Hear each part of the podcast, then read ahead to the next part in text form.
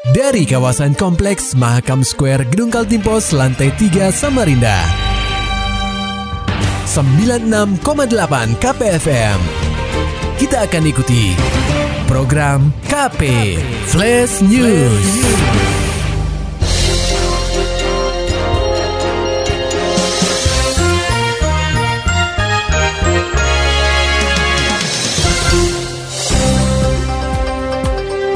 Pendengar KP, Dewan Pimpinan Wilayah atau DPW Partai Kebangkitan Bangsa atau PKB Kaltim membagikan ribuan paket sembako kepada masyarakat yang terdampak wabah virus corona.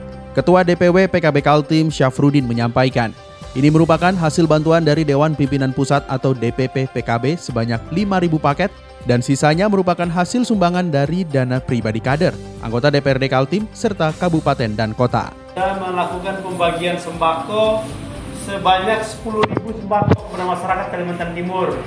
Yang sumbangan dari Dewan Pengurus Pusat Pak Muhammad Iskandar itu seba sebanyak 5.000 paket sembako ini. 5.000 paket sembako. Dan 5.000 nya itu adalah hasil uh, kreativitas atau inisiatif dari anggota DPRD se Kalimantan Timur yang 5 anggota DPRD provinsi dan 25 anggota DPRD kabupaten kota itu uh, terkumpul 5.000 paket sembako itu. Nah sehingga jumlah yang kita bagi itu adalah 10.000 paket sembako. Ini dalam rangka mengurangi beban masyarakat Kalimantan Timur yang terdampak COVID-19 ini. Selain membagikan paket sembako kepada masyarakat umum, pria yang juga menjabat sebagai anggota DPRD Kaltim ini turut membagikan uluran tangan kepada awak media di kota tepian. Syafrudin menuturkan, pihaknya sangat yakin masih banyak masyarakat di luar sana yang belum tersentuh bantuan dari pemerintah. Oleh karena itu, PKB mengambil langkah inisiatif untuk membantu pemerintah. Harapan kita semoga masyarakat eh, merasa ringan bebannya atas bantuan ini karena kami yakin PKB yakin bahwa pemerintah tidak mampu menjangkau semuanya kan gitu, tidak mampu menjangkau semuanya dan pemerintah juga tidak mampu mengcover masyarakat yang masuk kategori miskin baru akibat dari Covid-19 ini. Oleh karena itu, PKB mengambil bagian untuk memberikan sumbangsi bakti dan kepedulian nyata terhadap masyarakat. Juga ini adalah bentuk dari pengejawantahan PKB sebagai partai pembela rakyat. Lebih jauh, Syafruddin berharap agar bantuan ini bisa bermanfaat dan meringankan beban masyarakat yang terdampak wabah virus corona. Sementara itu, Bank Indonesia siap bantu penguatan UMKM di Kaltim. Laporannya disampaikan reporter KPFM Samarinda, Maulani Alamin. Pendengar KP, usaha mikro kecil dan menengah atau UMKM di Kaltim benar-benar dibuat pesakitan oleh wabah virus corona atau COVID-19. Bagaimana tidak, 90% penjualan UMKM anjlok selama masa pandemi COVID-19. Kepala Kantor Perwakilan Bank Indonesia Provinsi Kaltim Tutuk SH Cahyono dalam video telekonferensinya dengan awak media beberapa waktu lalu mengatakan ada banyak UMKM di Kaltim yang terkena imbas COVID-19. Dari hasil survei yang dilakukan BI kepada 384 UMKM di Kaltim, terdiri dari UMKM binaan BI Kaltim dan BI Balikpapan, mendapati data hampir semua UMKM terdampak COVID-19. Pada umumnya, masyarakat golongan bawah. Di mana di dunia digital semakin marah, semakin kuat, semakin dibutuhkan. Di sisi lain, teman-teman UMKM harus bergerak, shifting, bergeser ke usaha-usaha yang lebih dibutuhkan sekarang. Kalau memang sekarang belum aplikasi online, virtual market, mereka harus masuk ke sana gitu. Nah kami di BI sudah melakukan itu, sudah sudah bergerak. Mini university yang kami lakukan itu sudah bergeser, kuliahnya sudah online, gitu ya. Kecuali pendampingan sekali-sekali pertanian, kami juga lapangan, tapi sangat sangat sekali-sekali sekali. Tapi kuliah online, pelatihan gratis, semuanya kami gratiskan.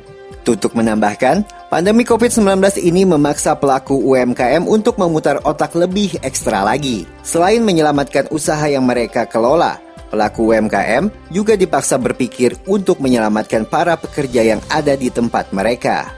Kami ingin selalu mendampingi UMKM, kami ingin bukakan pasarnya, bukakan networknya, kerjasama, koordinasi, bahkan kami membuka peluang kerjasama dengan pemerintah daerah, mari kita sama-sama bergandengan tangan. Problem besar adalah mungkin kita jalan sendiri-sendiri selamanya. Kalau bisa bareng-bareng, mari kita bareng-bareng, sinergi, gitu ya. Kepala Kantor Perwakilan Bank Indonesia Provinsi Kaltim Tutuk SH Cahyono menegaskan, dalam kondisi seperti ini diperlukan campur tangan dari pemerintah. Sebab jika tidak ada stimulus, maka dipastikan akan ada banyak UMKM yang gulung tikar. KPFM Samarinda Maulani Al-Amin melaporkan. Sementara itu, aktivitas perjudian yang acap kali dilakukan oleh beberapa orang di bawah flyover Jembatan Mahakam 4 akhirnya dibubarkan oleh personil Polresta Samarinda. Kanit Jatan Ras Satreskrim Polresta Samarinda, Ibtu Abdul Rauf mengatakan, saat dibubarkan, pihaknya menemukan satu unit televisi, kamera CCTV, kipas angin, dan arena judi. Udah kita bubarin tuh. Kemarin kita ngambil semua TV-nya. Uh-uh. Kemarin kita ngambil TV, uh, CCTV, Uh-uh. terus ada kipas angin dengan ada arenanya. Uh-uh.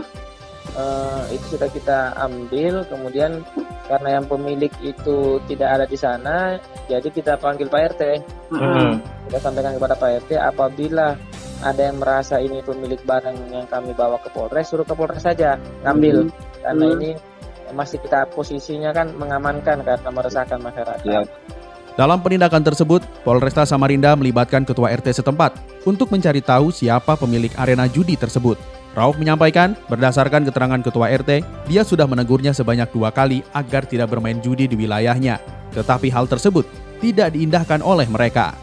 Dari pengakuan Pak RT juga sudah sudah menegur mereka dua kali untuk jangan adanya judi di situ. Mm-mm. Tapi ternyata tidak diindahkan.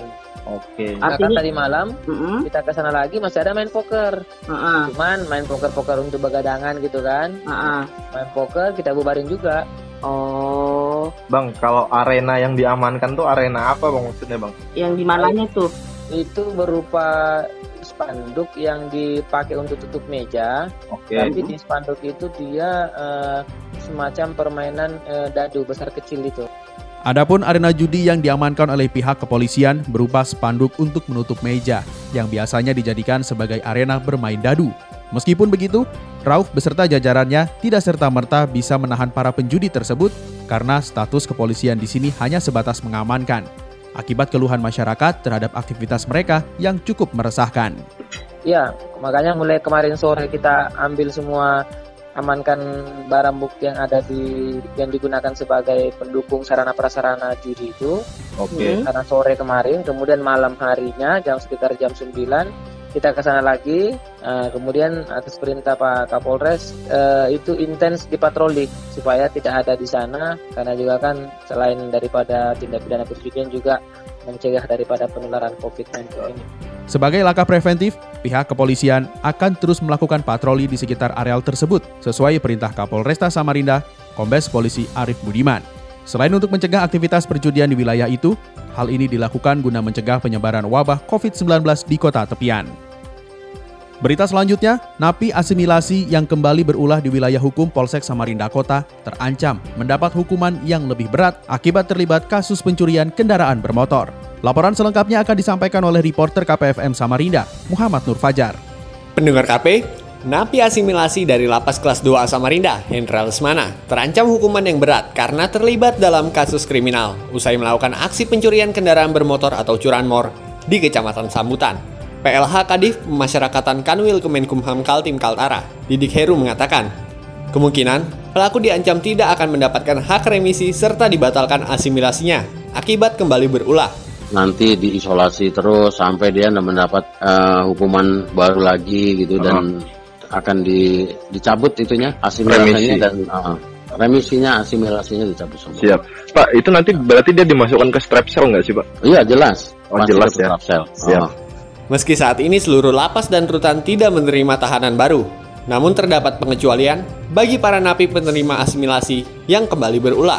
Didik menuturkan, sebelum diserahkan ke lapas atau rutan, napi asimilasi ini nantinya akan diperiksa sesuai prosedur kesehatan COVID-19, seperti menjalani rapid test terlebih dahulu dan menjalani masa karantina selama 14 hari. Gini, kalau itu kan nanti di ini di ditarik ke dalam rutan atau lapas dari mana dia asalnya dikeluarkan. Oh gitu. uh, terus diisolasi. Tentunya karena ada COVID ini kan, Mm-mm. ya kita harus memakai ini prosedur kesehatan prosedur COVID. Jadi dia ada tes ini, tes covid test, Mm-mm. apa rapid test itu, Mm. terus isolasi 14 hari. Didik menjelaskan, proses pemberkasan hukum yang akan dilalui Hendra nantinya akan sedikit berbeda. Jadi, ketika pihak kepolisian selesai dalam melakukan pemberkasan, Hendra selanjutnya akan langsung digiring ke lapas atau rutan, tempat dia mendekam sebelum menerima asimilasinya. Ketika masa hukumannya selesai, barulah dia menjalani proses hukum yang menjeratnya kini. Oh biasanya gitu. Ah, biasanya di di polisi biasanya di berkas dulu. Mm-mm. Ah, selesai. Apakah nanti sama polisi mungkin masih dijajaki Pendalaman. tambahan-tambahan ya penyidikan-penyidikan tambahan atau enggak? Mm. Ya nanti setelah itu nanti baru polisi biasanya hubungi ini. Mungkin sekarang udah udah udah udah hubungi sih, tapi Siap, belum belum ditarik karena nanti pembatalannya oleh Bapas. Oh siap siap siap Ah, siap. oleh Balai Pemasyarakatan. Ya berarti tadi penegasannya ini dulu pak ya. Eh, setelah selesai proses hukum di kepolisian baru dia Ah. di strap sel. Iya. Saat ini, Hendra masih menjalani proses penyidikan lebih lanjut dan untuk melengkapi berkas pidananya di Polsek Samarinda Kota. Pihak Balai Pemasyarakatan atau Bapas pun dikabarkan tengah melakukan koordinasi dengan pihak kepolisian karena mereka bersifat sebagai pengawas dan penjamin para narapidana penerima asimilasi ini. KPFM Samarinda, Muhammad Nur Fajar melaporkan. Berita selanjutnya datang dari dunia olahraga. Ketua Umum Pengprov Persatuan Catur Seluruh Indonesia atau Percasikal Tim Andi Harun ikut buka suara terkait wacana perpanjangan masa bakti Konikal Tim yang sedianya akan kadaluarsa 5 bulan sebelum penyelenggaraan PON 20. Menurut Andi, seharusnya SK kepengurusan KONI Kalimantan Timur yang dinahkodai Zudi Yahya perlu diperpanjang. Lantaran provinsi dihadapkan dengan pandemi COVID-19. Seharusnya pengurusan organisasi ini harusnya berjalan normal begitu selesai masa masa baktinya eh, musprov. Cuma ada keadaan kejadian luar biasa Covid ini membuat PON juga di tunda. Nah, oleh karena ke- oleh karena kepentingan konsolidasi mempertahankan ritme eh, dan kebutuhan organisasi terhadap target PON, maka eh, periode kali ini diharapkan diperpanjang. Andi Harun mengajak seluruh cabur di bawah naungan Konikal Tim untuk memberi dukungan agar kepengurusan diperpanjang. cabur-cabur provinsi itu memberi dukungan. Ini bukan untuk mempertahankan kabinet ya Pak Judi dan kawan-kawan, tapi ini kepentingan jauh lebih besar menyangkut tentang PON. Andi berharap seluruh cabur di Kaltim punya pandangan yang sama untuk memastikan program prestasi atlet dapat dijalankan secara maraton hingga PON 20 tanpa terganggu oleh berubahnya kepengurusan. Maulani Alamin, Muhammad Nur Fajar, KPFM Samarinda. Dapatkan berita-berita selengkapnya di www.968kpfm.co.id. Demikian tadi telah kita simak rangkaian berita-berita yang terangkum dalam program KP Flash News. Persembahan dari 96,8 KPFM. Terima kasih dan sampai jumpa.